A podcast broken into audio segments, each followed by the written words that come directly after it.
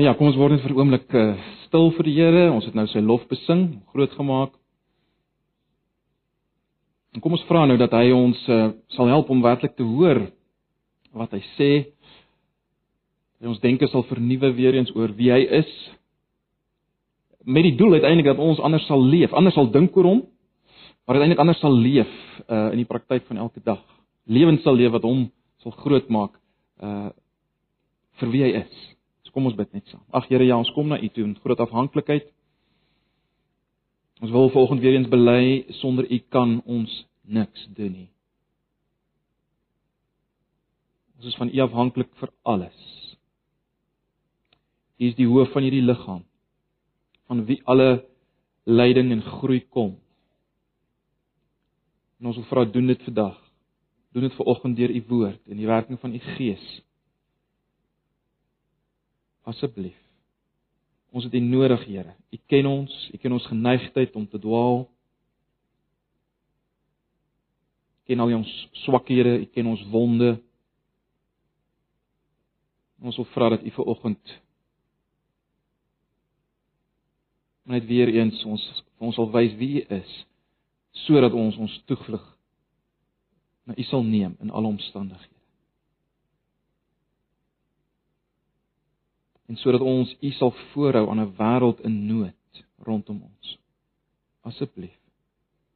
Ons vra dit in Jesus se naam. Amen.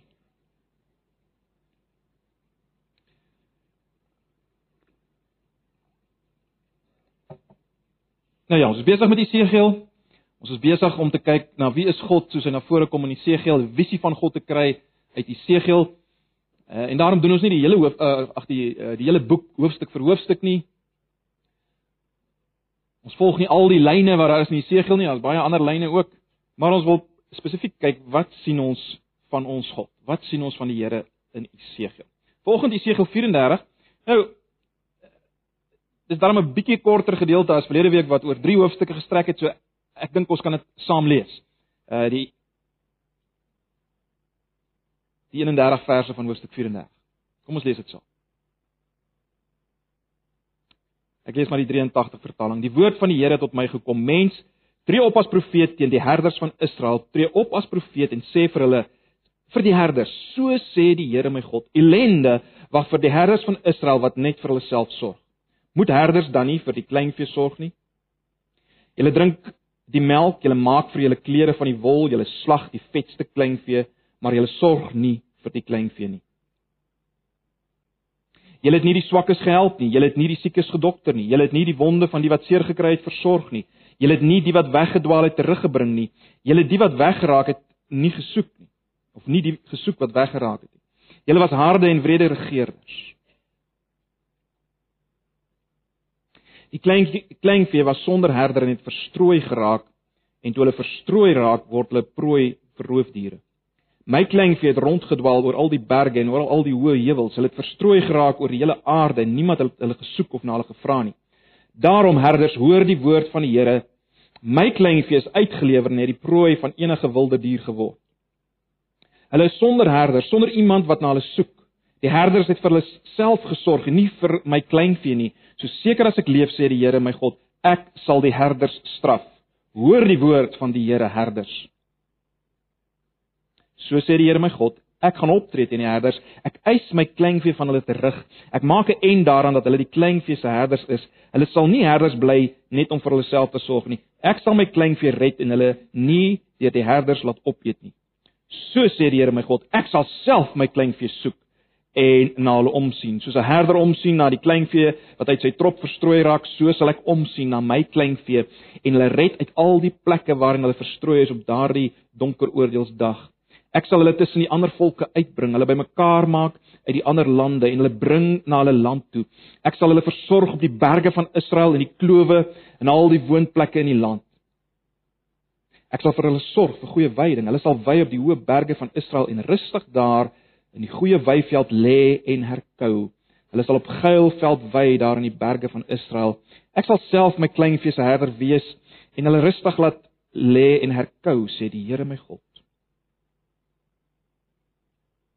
Ek sal die soek wat weggeraak het, die terugbring wat weggedwaal het, die wonde versorg van die wat seer gekry het, die swakkes help, maar ek sal die wat vet en sterk geword het uitroei. Ek sal 'n herder wees wat reg laat geskied. En wat julle betref my kleinvee sê die Here my God, ek gaan regverdig oordeel tussen skaap en skaap en tussen skape en bokke. Party van julle het die beste van het die beste gras afge, afgewy en boonop wat oorgebly het vertrap. Julle het skoon water gedrink en wat oorgebly het vuil gemaak. My ander skape moes die gras vreet wat deur julle vertrap is en die water drink wat deur julle vuil gemaak is. Daarom, so sê die Here my God, gaan ek nou regverdig oordeel tussen die vet skape en die mares. Julle die swakkes met julle lywe en skouers weggestoot en hulle met uh, en hulle met julle horings gestamp totdat hulle weggedryf het. Maar ek gaan my kleinvee red. Hulle sal nie meer uitgelewer wees as buit nie. Ek gaan regverdig oordeel tussen skaap en skaap Ek gaan vir hulle net een herder aanstel. En hy sal vir hulle sorg, my dienaar Dawid. Hy sal vir hulle sorg, hy sal vir hulle 'n herder wees. Ek die Here sal hulle God wees en my dienaar Dawid sal oor hulle regeer. Ek die Here het dit gesê. Ek sal met hulle verbond sluit wat vir hulle vrede sal bring. Ek sal die roofdiere uitroei in die land eh, uit die land sodat my kleinvee veilig kan wees in die weiveld en in die bosse kan slaap. Ek maak hulle en alles rondom my heuwel voorspoedig. Ek laat die reëns val op die regte tyd, reëns wat voorspoed sal bring. Die bome sal vrugte lewer en die grond sy opbrengs en my volk sal veilig wees in hulle land. Wanneer ek die juk wat op hulle gedruk het, stukkend breek. En hulle red uit die mag van die wat slawe wou maak van hulle. Dan sal hulle besef dat ek die Here is. Hulle sal nie weer die buit van ander nasies word nie en nie meer deur roofdiere opgevreet word nie. Hulle sal veilig woon en vir niemand hoef bang te wees. Ek gee hulle 'n land wat beroemd sal word vir sy vrugbaarheid. Hulle sal nie weer deur hongersnood getuister word nie en hulle sal nie weer deur ander nasies verneder word nie. Hulle sal besef dat ek, die Here, hulle God, by hulle is en dat hulle my volk Israel is, sê die Here my God. Julle is my kleinvee. Julle is die volk vir wie ek sorg en ek is julle God, sê die Here my God.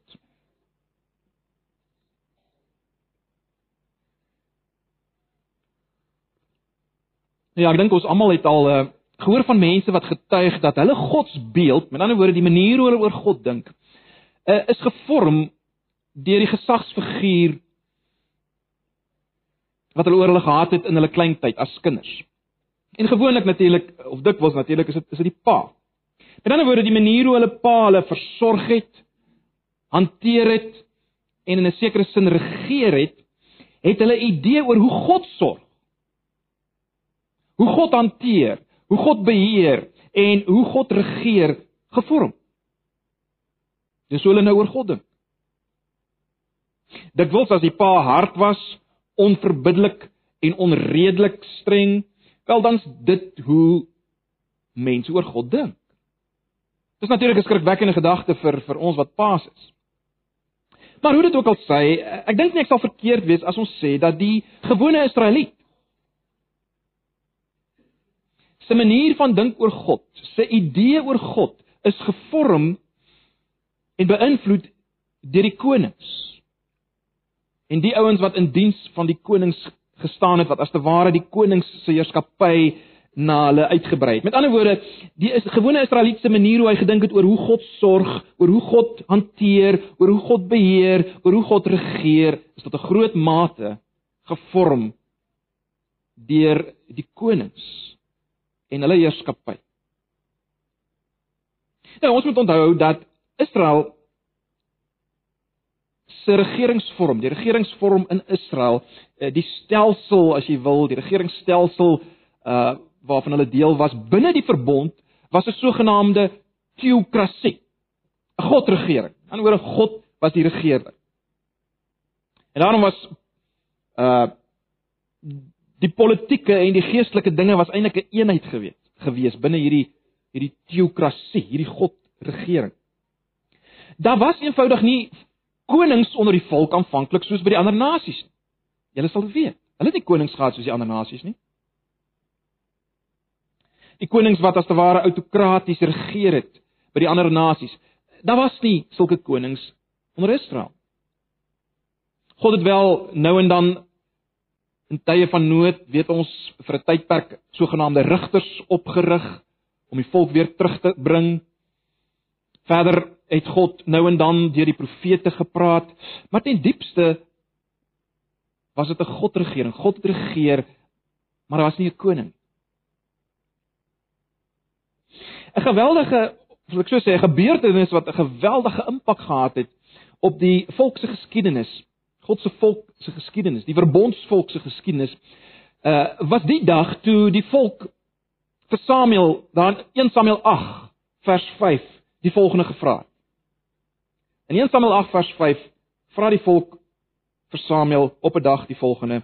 Ek gaan nou nie die hele konteks uh, waarin dit voorkom uitlei net gaan te veel tyd vat, maar hulle het die volgende vir Samuel gevra het gesê: "Stel nou liewer 'n koning oor ons aan om oor ons te regeer soos dit by al die nasies is."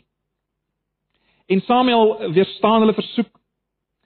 En as hy daaroor bid, dan sê die Here in 1 Samuel 8 vers 7 die volgende. Hy sê: "Dit is nie vir jou wat hulle verwerp nie, maar vir my. Hoekom sê God dit? God het tog al lank al laat deurskemer dat daar wel konings gaan wees, gaan voorkom. Mens dink aan die verbondsbelofte aan Abraham in in Genesis 17 vers 6 waar God al vir Abraham sê konings sal uit jou voortkom. Met ander woorde, dit was tog al in sin in God se versier eh, as ek dit so kan stel. Uh, ons weet Moses in Deuteronomium 17 vers 14 tot 20 uh sien as te ware ook die koningskap en hy gee voorskrifte vir die lewe van die koning en die gedrag van die koning en die regering van die koning. Dis so 450 jaar voor Saul. Uh natuurlik die belofte aan Abraham is so 1000 jaar voor die eerste koning. So mens kan sê die volk se versoek in sigself uh was nie verkeerd nie. Was nie sonder meriete nie. Kyk, ons het nou vir mekaar gesê die regeringsvorm wat die volk aanvanklik gehad het, was 'n was 'n teokrasie, 'n godsregering. Uh dit beteken die Here alleen het oor sy volk regeer. Maar koningskap hoef nie in stryd daarmee te gewees het.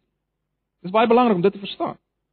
Ek meen, net soos die priesters as te ware God se verzoening bemiddel het en die profete het God se openbaring bemiddel, so kon die konings en moes die konings eintlik maar net God se regering, God se heerskappy bemiddel.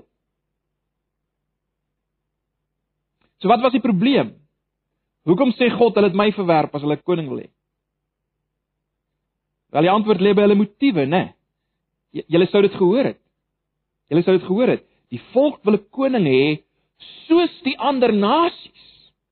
Dis wat die verwerping van God is. Ons weet God gee uiteindelik toe aan hulle versoek. Wat nie beteken dat God of Samuel uh, toegegee het aan hulle sondig gemotiveerde begeertes nie. Dit word baie duidelik as as Saul formeel ingehuldig word aan 1 Samuel 12. Uh die koningskap word daar totaal op 'n ander basis as die van die heidene geplaas. Baie duidelik hoofstuk 12 vers 23 moes die koning sy plek langs die priester inneem in hierdie verbondsteokrasie. Maar ons weet wat gebeur het. Die koningskap het misluk. Klaaglik misluk. En daarmee daarmee het hulle het hulle as te ware ook die die priesterskap afgetrek saam met hulle. Inder, inderdaad het die konings uiteindelik so korrup geword soos die konings van die nasies. En die gewone Israeliet, let wel, het daaronder gelei. Hoekom hoekom laat God dit toe? Dis miskien 'n vraag wat ons kan vra. Hoekom laat God dit toe? Wel, ek dink daar kan net een bevredigende antwoord gegee word. En dit is dat teen hierdie donker agtergrond van die mislukte koningskap. Ja, daar was wel ligpuntjies vir 'n oomblik onder Dawid en Salomo. sien ons iets van wat God se koningskap kan wees, koningskap onder God kan wees en daar was hier en daar nog ligpuntjies, maar oor die algemeen is dit 'n donker agtergrond. En teen hierdie donker agtergrond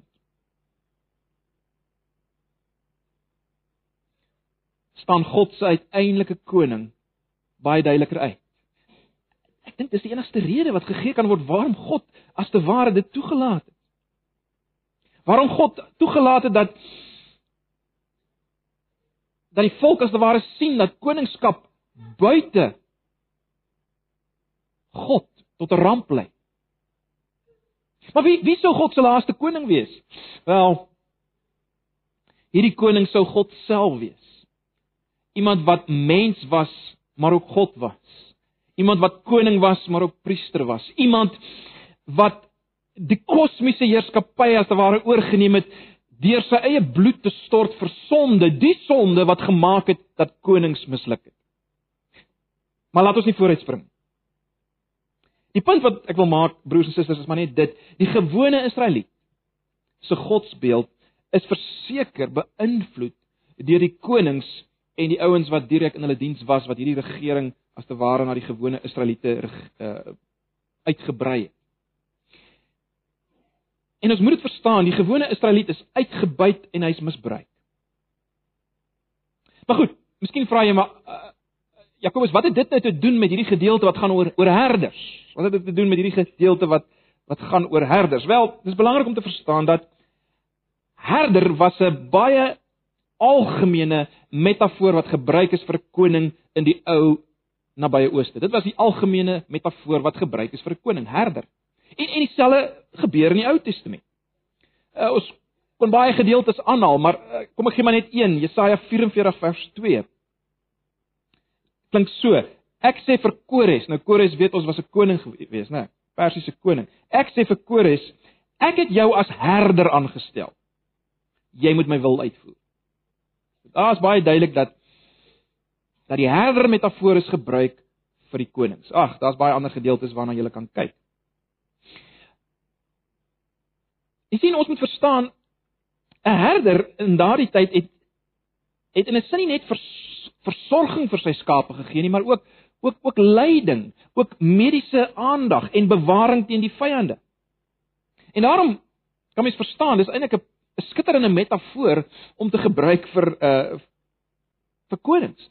Veral natuurlik vir die konings wat onder die versoeking sou wees om hulle roeping bloot in terme van mag en voorreg te sien en nie in terme van hierdie geweldige verantwoordelikheid teenoor die mense onder hulle. So mense kan dink dis 'n wonderlike metafoor.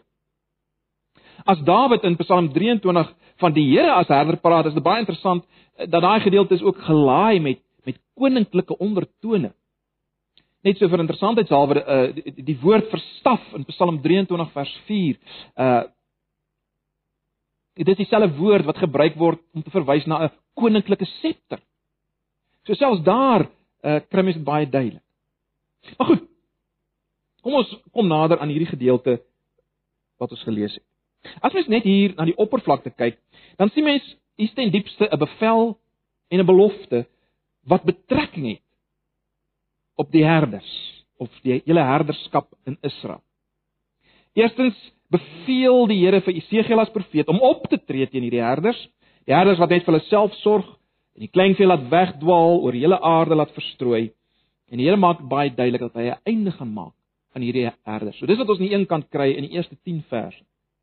Maar dan kry ons van hoofstuk 8 vanaf vers 11 tot 31 die belofte van die Here. Die Here beloof hy sal self sy kleinvee se herder wees. En hy beloof dit so mooi in verbondstaal, nê, nee, julle is my kleinvee, julle is die volk vir wie ek sorg en ek is julle God. So dis wat ons hier kry. So kom ons beweeg nog nader. Kom ons kyk eers na hierdie eerste 10 verse. Kom ons kyk bietjie na hierdie oordeel oor die slegte herders. Kom ons kyk net daarna.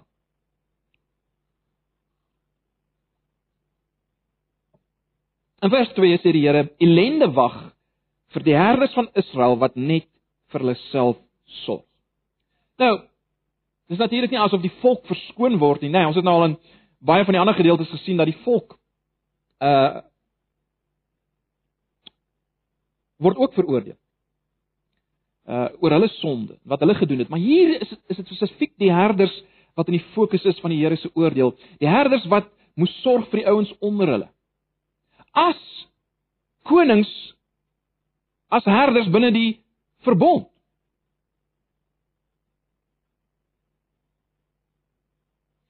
En daarom oordeel die Here hulle. En die Here gebruik hierdie metafoor van die herder die herder en sy vee om hierdie uh, om hierdie leiers te veroordeel. En daar's basies twee aanklagtes, né? Nee. Dit is ba daar's basies twee aanklagtes. Hierdie herders, hierdie regerders het die het die het die melk en die wol en die vleis van die kleinvee geniet en gebruik om hulle self gemaklik en ryk te maak sonder om vir die skape te sorg. Die gesonde kleinvee is nie waardeer nie, uh en die swakkes en siekes is nie gehelp en gedokter nie. So dis die dit, dit, dit is die eerste aanklag. 'n Tweede aanklag is die feit dat hulle hoegenaamd nie deur hulle optrede die skape beskerm het. Hulle het nie die skape beskerm nie.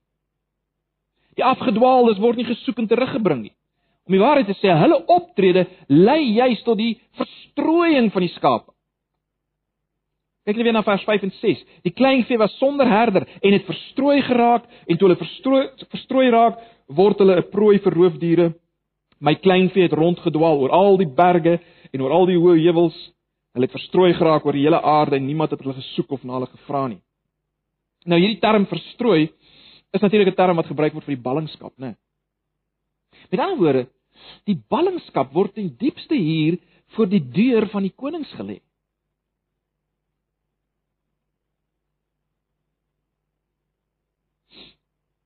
In vers 4 som die Here as te ware op dit wat die leiers was as hy sê julle was harde en wrede regeerders aan die einde van vers 4. Dis die oordeel van die Here oor hulle. En daarom straf hy hierdie herders en verwyder hulle uit hierdie posisie uh sodat dit wat hulle doen nie meer 'n verwoestende uitwerking sal hê op let wel sy kleinvee nie. Hy maak seker, God maak seker dat hierdie valse en gevaarlike herders nooit weer in beheer van sy skape sal wees. sien dit daar in vers 7 tot 10. Nou omdat daar 'n verband was tussen die koningskap en die en die priesterskap kan ons ek dink die afleiding maak dat dat die Here ook hiermee sê die, die die priesterskap sal verdwyn. Die koningskap en die priesterskap sal verdwyn. En nou kom God en hy maak 'n belofte dat hy in die plek hiervan iets anders sal stel. En dis wat ons nou kry vanaf vers 11 tot 31. Dis wat ons kry vanaf vers 11 tot 31. Julle sou draak gesien het. Wat God in die plek van hierdie herders gaan plaas is homself.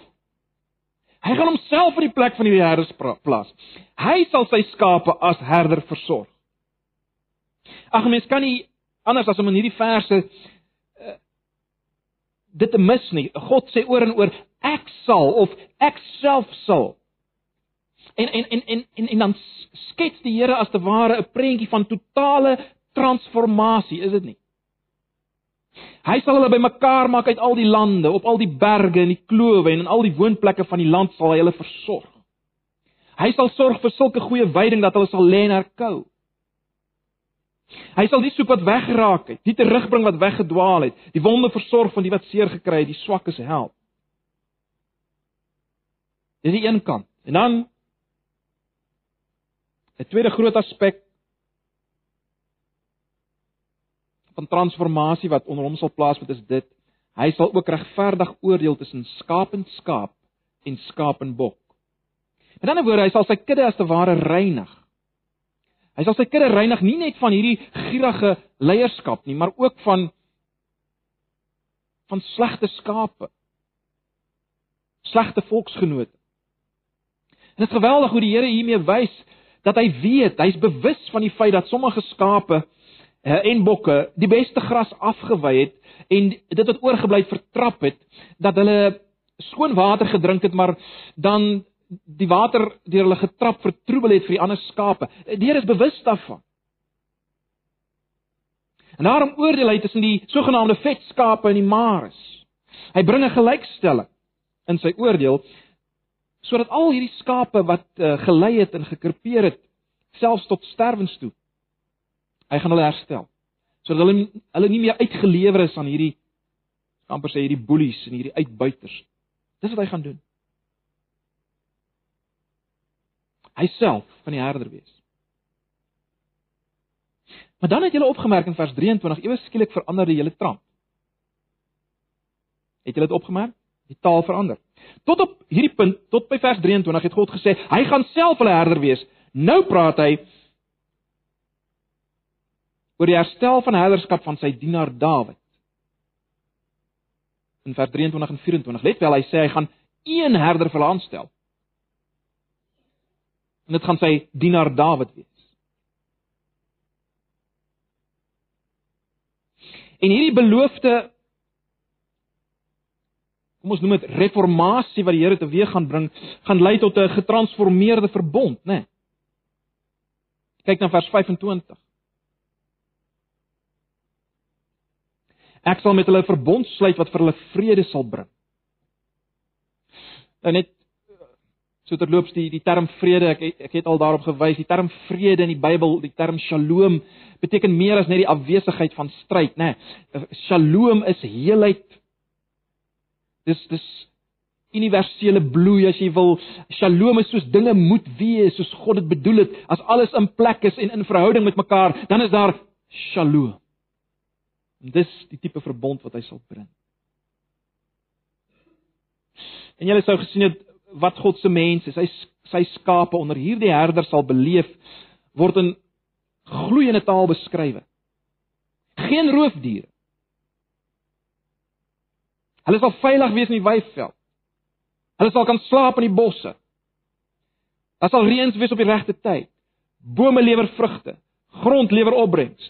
Geen slawerny, geen vrees vir verander nie. Geen hongersnood en geen vernedering. Vers 30: Hulle sal besef dat ek die Here hulle God by hulle is en dat hulle my volk Israel is, sê die Here my God. Dit is hoe die Here praat oor hierdie hierdie nuwe verbond wat hy gaan bring. En hy gaan aan natuurlik met die met die herder herder beeld, né? Nee, beeld uit die natuur.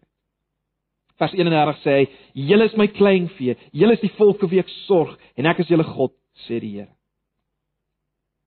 Hierdie hierdie uitspraak in vers 31, as hy sê julle is die volk vir wie ek sorg en ek is julle God, dis natuurlik die verbondsformule wat dwars deur die Bybel loop, né? Nee.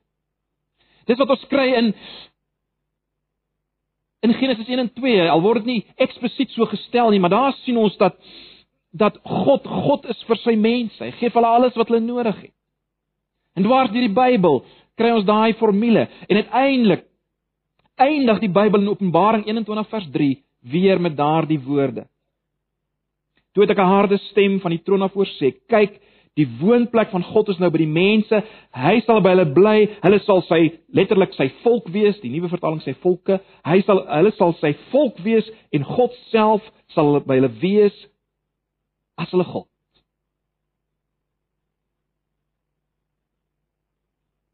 sien dis waarna toe God op pad is. Dis wat hy nog altyd wou. Dis wat in die ou verbond onder die konings as te ware vertroebel geraak het, maar dis wanneer hy op pad is. Dis wat hy gaan doen as herder en deur die een herder wat hy gaan aanstel. So dis wat ons hier kry broers en susters. Dis wat ons hier kry. Maar nou moet ons natuurlik alles weer nader aan onsself bring. Hoe moet ons daaroor dink? Wat moet ons daarin sien? Weerens, ek gaan nie vanoggend stil staan by hoe die Here histories geoordeel het oor hierdie herders nie in die eerste twee preke in hierdie reeks het ek daarna gekyk.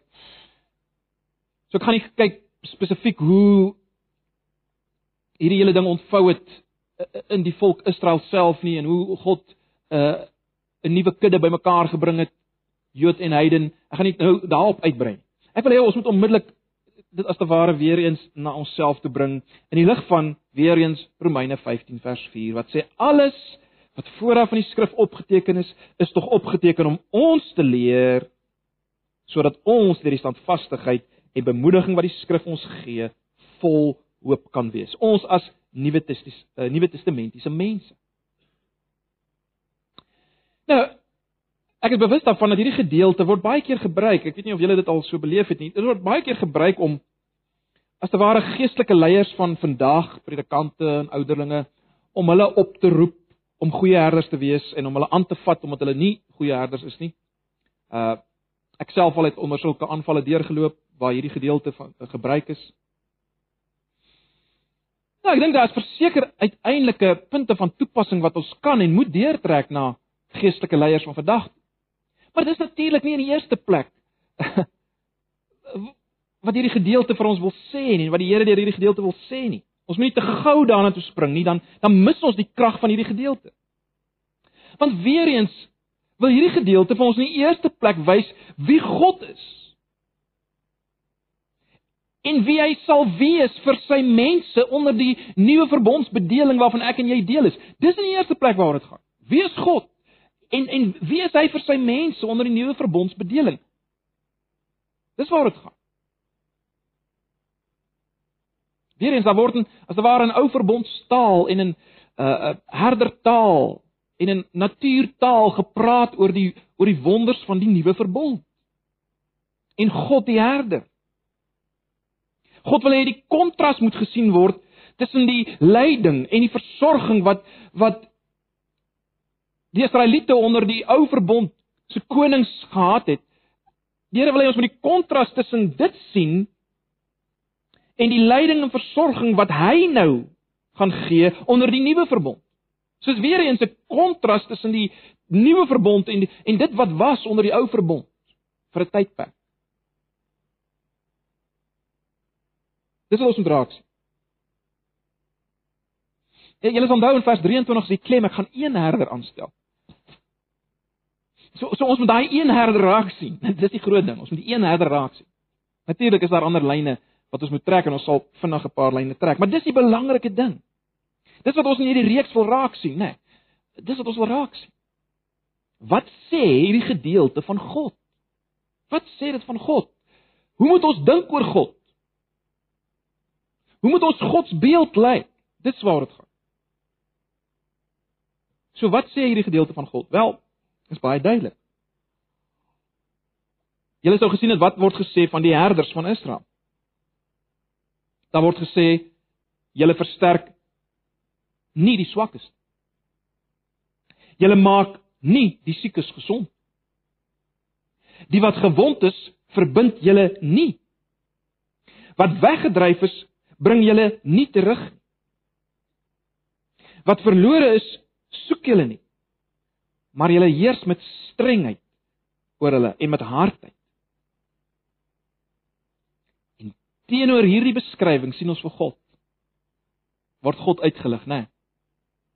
God is die een wat die swakkes versterk. Hy is die een wat die siekes gesond maak. Hy is die een wat die wat gewond is verbind. Die wat weggedryf is terugbring. Die wat verlore is soek. Hy is die een wat nie met strengheid en hardheid regeer oor sy mense nie. Hy versamel sy mense oor die hele oppervlak van die aarde. Dis hoe herder hy is en terloops hier in Helena natuurlik 'n wonderlike bemoediging vir ons vir ons sendingwerk, né? Die Here versamel sy mense oor die hele oppervlak van die aarde as herder. Hy doen dit ten diepste. Ja, hy, hy skakel ons daarbey in en hy vat ons saam, maar wat is hy wat dit doen? Geweldige bemoediging. Maar kyk hoe stel hy dit in vers 14 en 15. Ek sal vir hulle sorg vir goeie veiding. Hulle sal wei op die hoë berge van Israel en rustig daar in die goeie weivelde lê en herkou. Hulle sal op die geilveld wei daar in die berge van Israel. Ek sal self my kleinvee se herder wees en hulle rustig laat lê en herkou. Sê die Here my God. Julle sal sien daar eh, daar word twee keer herhaal dat hulle hulle sal laat lê en herkou. En ek dink die rede daarvoor is waarskynlik omdat skape ek het dit nooit en ek geweet ek het dit maar gaan gaan oplees skape lê net en herkou as hulle absoluut veilig voel. As hulle nie gepla word deur insekte en dinge nie, as daar nie uh, as te ware onmin is in die kudde en onder die kudde nie onrustigheid nie. Solank dit daar is dan kan 'n skaap nie lê nie. Hy sal nie lê nie. Maar as hy absoluut veilig voel en rustig, sal lê skaap en dan herkou hy. Blykbaar is dit so. Sê die ouens wat weet. En en nou kom hierdie gedeelte in en wys God is is so herder wat sy skape kan beweeg tot so gaan lê en rus. So absolute veilige toestand waar hulle versadig is. Ja, al is daar kraanse en skeure en roofdiere rondom my, hy vat hulle na 'n plek toe waar hulle veilig kan lê en herkou. Dis die beeld wat van die Here hier uitgelig word. So broers en susters, as ons as ons dink oor God, dan is dit so belangrik dat ons dat ons in hierdie terme sal dink oor hom. Hy is nie maar en ek het dit al baie genoem en ek sê dit maar weer. God is nie 'n kosmiese rekenaar wie se planne vir jou lewe maar net afloop. So onbeweeglike eerste oorsaak van alle dinge. Nou loop alles maar net af nie. Dis nie die beeld wat die Bybel gee van God Maar aan die ander kant is God ook nie 'n lui, apatiese heerser wat hande gevou sit en hom verlustig in in ons ellende en ons geskarrel hier op aarde nie, maar hy sit rustig daar met alle respek. Dis nie die beeld van God nie. Die beeld van God as herder is geweldig. Is geweldig want ek het dit al genoem. Ek sê dit weer, 'n herder van daai tyd se lewe het gedraai om sy skape dag en nag. Maak nie saak watter omstandighede, weeromstandighede nie. Die skape se belang was sy groot passie. En dis die beeld wat gegee word van God. So dis belangrik dat ons dit sal raak sien as ons dink oor God.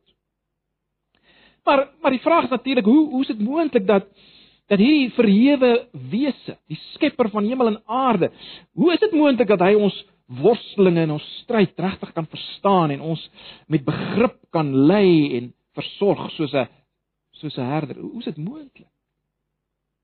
Ons ons is besig met met mense tog.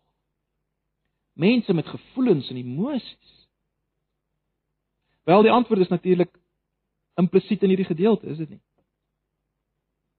Ons het gesien dat God die herder uiteindelik gaan regeer deur sy dienaar Dawid in vers 24.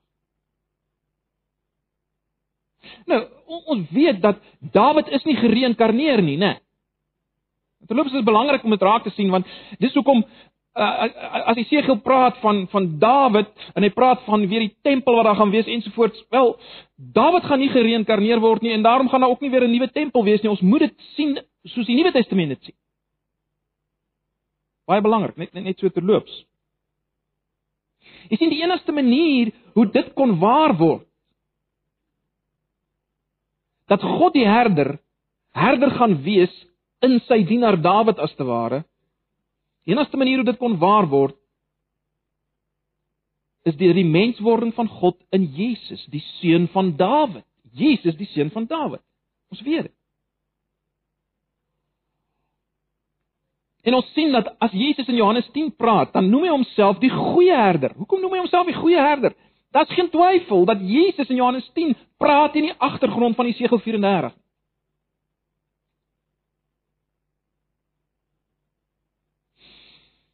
Broers en susters, dit is so belangrik. Ek het dit al baie gesê, maar dit is so belangrik as ons wil weet hoe lyk God? Hoe is God? Hoe was hy nog altyd en hoe sal hy altyd wees? Wel kyk na Jesus. Baie belangrik, God word nie in Jesus die eerste keer herder nie. Uh en uh, is baie interessant as as mens byvoorbeeld kyk na Genesis 48 voor die koningskap. Genesis 48 vers 15. Dan sê Jakob vir Josef in vers 15. Hy sê die volgende en hy het Josef geseën en gesê die God vir wie se aangesig my vaders Abraham en Isak gewandel het, die God wat my as herder my lewe lank gelei het tot vandag. Jy sien dit dit is wie God is. En Jesus kom en hy hy kom wys vir ons wie is hierdie God ten diepste as hy mens word. Jy sien God en Jesus kom stap die pad wat ons as gewone mense stap, wat ons as skape stap. Hy die dink net daaraan, hy die herder word skaap en baie interessant, hy word skaap onder slegte herders. Ek meen dis die ouens wat hom uiteindelik kruisig. Die slegte herders van die dag kruisig Jesus. Hulle verdoem hom die herder tot die dood. En is hier waar ons die werklike liefde van die herder sien, is dit nie? Die werklike liefde van God sien.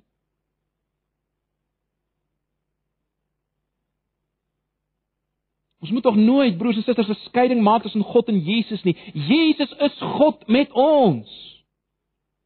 En is hier waar ons die liefde van God sien. Want wat sien ons uit Johannes 10 vers 11? Die goeie herder lê sy lewe af vir die skaap. Jy sien dis nie so dis nog nie so so duidelik in Eksegel 34. Ons sien daar al alles wat hy gaan doen vir die skape, maar Maar as ons kom in die Nuwe Testament, dan word eksplisiet gesê die goeie herder lê sy lewe af vir die skaap. Hy sterf soos 'n skaap vir die skaap. Dis sy liefde vir ons broers en susters. Dis die liefde van God vir ons. Maar ek weet ons ons hoor dit en dan sukkel ons nog steeds daarmee, né? Dan dan vra ons nog steeds waarskynlik baie keer vir mekaar die vraag, maar het hy regtig uit liefde vir my sy lewe afgelê? Is hy nie maar gedwing daarin nie? Is dit nie maar iets wat hy moes doen nie? Wil hy dit regtig doen? Was sy liefde vry? Anders anders anders anders wonder ek tog En dit is waar Johannes 10 vers 17 en 18 so belangrik is. Luister net weer na Johannes 10 vers 17 en 18. Die Vader het my lief omdat ek my lewe aflê om dit weer op te neem. Niemand neem dit van my af nie, maar ek lê dit uit my eie af. Ek het die volmag om dit af te lê en ek het die volmag om dit weer op te neem. Dit is die opdrag of die gebod wat ek van my Vader ontvang het sien dit is baie eenvoudig en baie kragtig hier, is dit nie? Niemand neem my lewe van my af nie. Dis verstommend, né? Nee. Want want 'n mens kan wonder maar wag wag wag, het, het Judas dit nie afgeneem nie? Die die die soldate in die tuin, het, het hulle nie sy lewe gevat nie? Of was dit nie uiteindelik maar tog Ananias, die hoofpriester? Of die valse getuienis, uh, getuies wat teen hom opgestaan het nie? Of die skare wat gesê het kruisig hom, kruisig hom? Is, is hulle tog nie uiteindelik maar die ouens wat sy lewe afgevat. Of Herodes wat hom terugstuur na Pilatus, uh, en Pilatus wat hom uiteindelik oorlewer en laat kruisig. Wat bedoel Jesus as hy sê niemand neem my lewe van my af nie? Broers en susters, hy bedoel bloot dat op elke punt in sy lewe waar dit gelyk het of hy onder dwang was, elke oomblik waar dit gelyk het asof hy geforseer is om iets te doen wat hy nie wil doen nie, hy was nie geforseer nie. Hy het dit gekies. Dis wat hy vir ons wil sê. Ek het dit gekies. Ek en die Vader het dit georkestreer omdat ons jou liefhet. Niemand neem my lewe van my af nie. Ek lê dit uit my eie inisiatief af. My liefde is vry. Ek het in vryheid my laat verdoem deur die herders van die dag sodat ek jou herder kan wees. Dis dis wat Jesus sê. Uh, vers 18 wat eindig met hierdie opdrag het ek van my Vader ontvang. Uh, dit beklemtoon bloot dat dat die Vader se hart en Jesus se hart in harmonie was uh, wat hierdie gewillige aflê betref. Daar's nie sprake uh van iets wat afgedring is of afgedruk is op hom sonder instemming nie. Onthou, in dieselfde Johannes 10 vers 30 sê Jesus, ek en die Vader is een. Ek en die Vader is een. So ons moet dit hoor. Broers en susters, ons moet dit hoor. Hy sterf vir ons. Hy gee sy lewe vir ons. En daarmee saam doen hy alles vir ons as herder nog steeds. Nie omdat hy gedwing is daartoe. Hy wil dit doen. Hy het gekies om dit te doen. Dis hoe God hy is. Ons moet dit hoor. Hy wil dit doen. Laat jou laat jou godsbeeld daardie gevorm word. Dis hoe ons God is.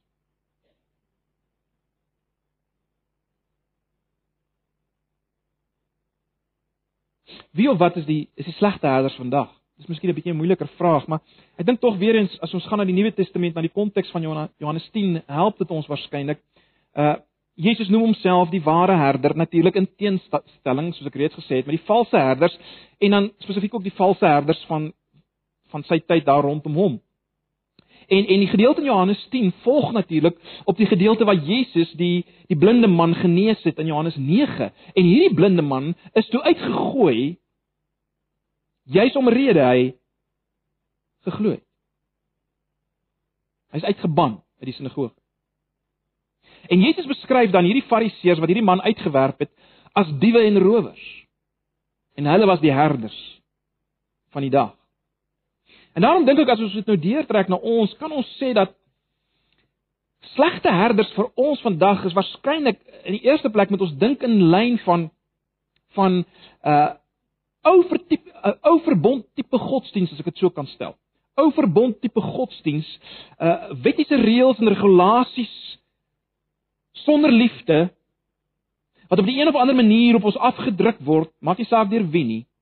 Dis die dit dis die dis waarskynlik die valse herders van die dag waarin ons leef as ons dit die lyn moet deurtrek.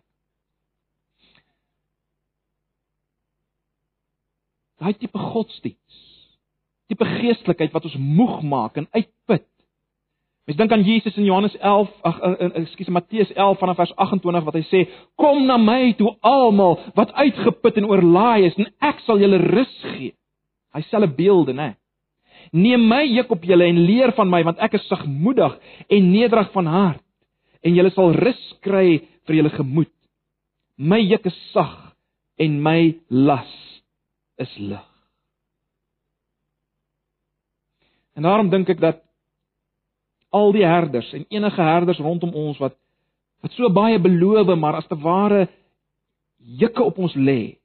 Dis dis die slegte herders en dit kan verskillende forme aanneem.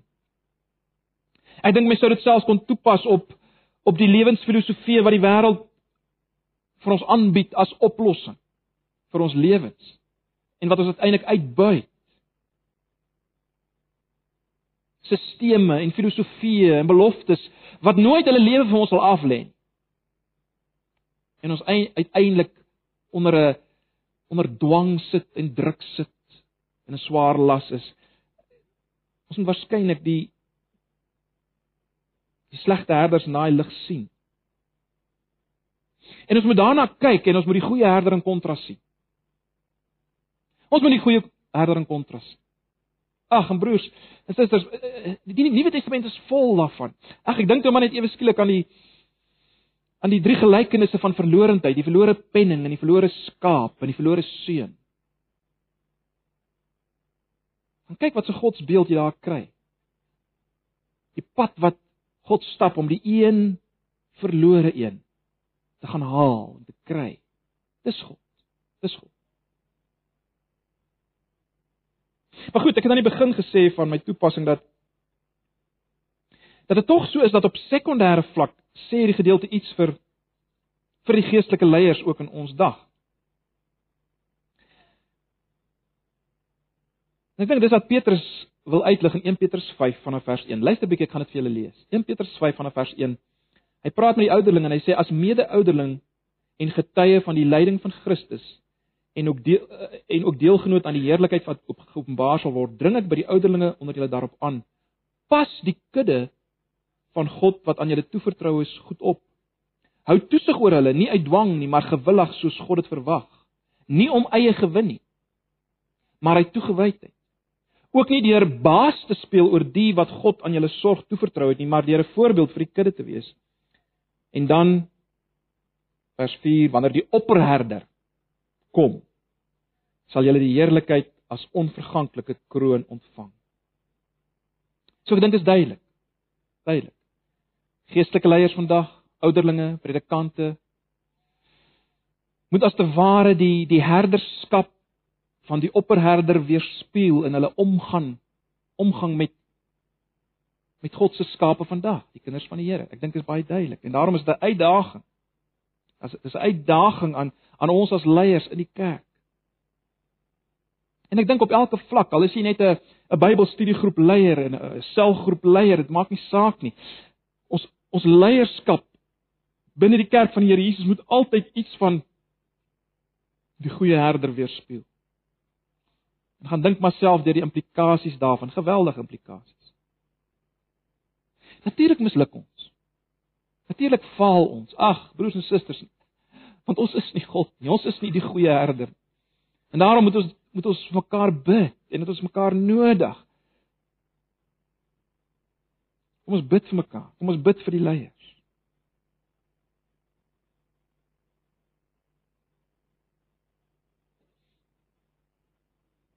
Ek dink tog is ook iets wat ons as kudde moet moet hoor. Ons het nou al gesien uit ons het nou gesien uit 1 Petrus 5 ons as kinders van die Here wat hier sit is die kudde, né? En ons moet mooi kyk na Jesegiel 34 en, en en daar sien ons hoe die herder met ons gaan werk. Ja, hy gaan ons lei en hy gaan ons versorg met absolute liefde en ontferming, maar hy gaan ook ons suiwer en hy gaan optree teenoor die skape wat ander benadeel. So as jy jouself in daai posisie bevind, as jy 'n skaap is wat wat die ander skape benadeel, die water vertroebel, die weiding vertrap, hulle rondstamp. God die herder duld dit nie binne sy kudde. En hy gaan absoluut in sy regverdigheid. Let wel in sy regverdigheid, liefdevolle regverdigheid.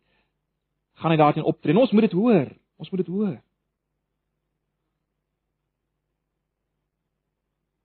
Dis 'n waarskuwing baie duidelik teen die teen die vetskape wat die mares benadeel. God sal handel met hulle. Hier is natuurlik ook 'n waarskuwing vir die bokke.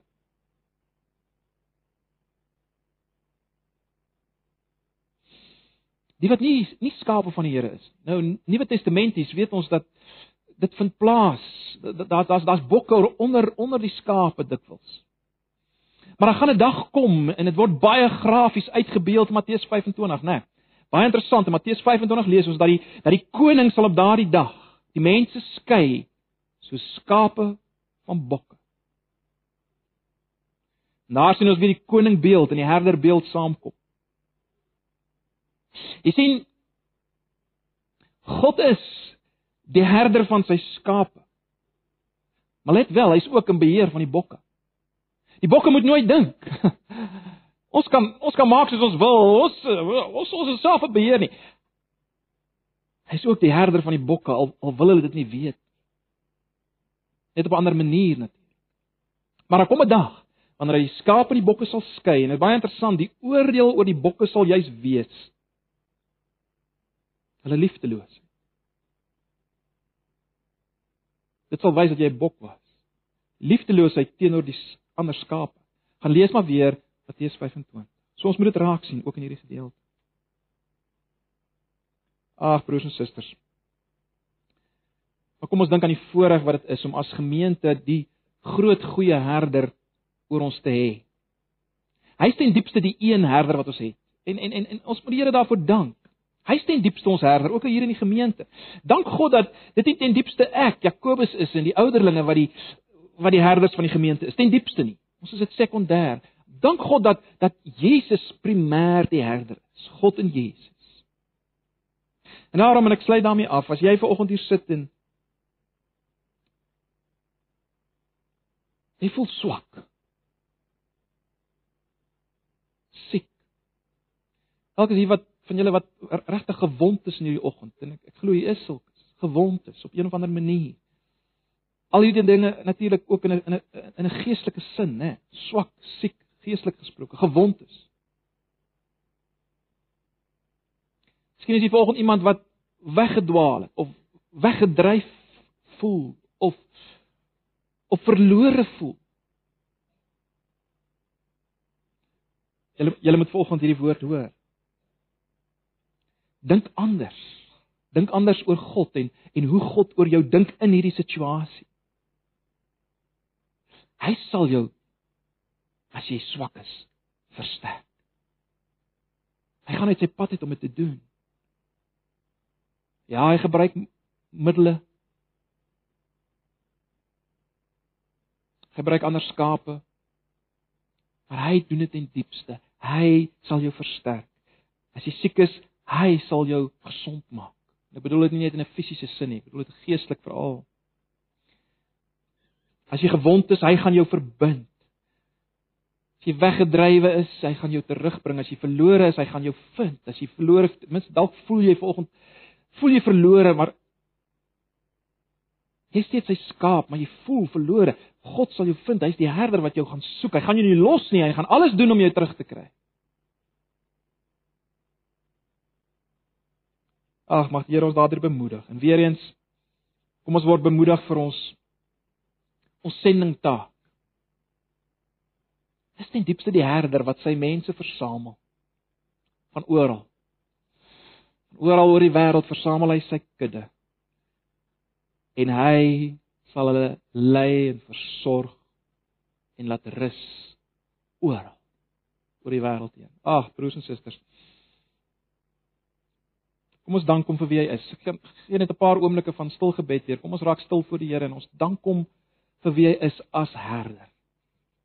En vat dit vanoggend. Ek weet ons sukkel want Ek ek weet nie wat jou situasie is. Dalk dalk sit jy vanoggend hier as iemand wie se godsbeeld gevorm is.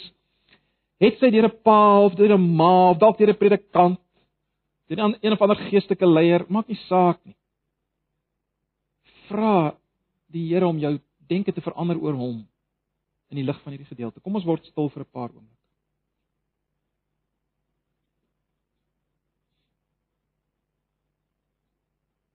Ag Here, in hierdie oggend wil ons net na U toe kom en ons wil vir U sê ons ons kan nie sonder U nie. En ons wil ook nie sonder U nie. Ons wil leef as as U kudde onder U versorging, U leiding, U omgee. U reddende hand, U genesende hand, U versterkende hand. Ag, vergewe ons. Vergewe ons waar ons dikwels in ons eie hardkoppigheid, eie sinnigheid wegbeur van U die herder se versorg.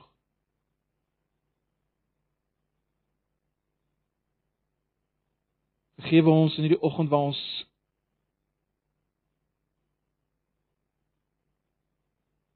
oortree het en gefaal het teenoor U kudde, U skape, U skape wat U deur U bloed verkry. Vergewe ons, vergewe my, Here, asseblief.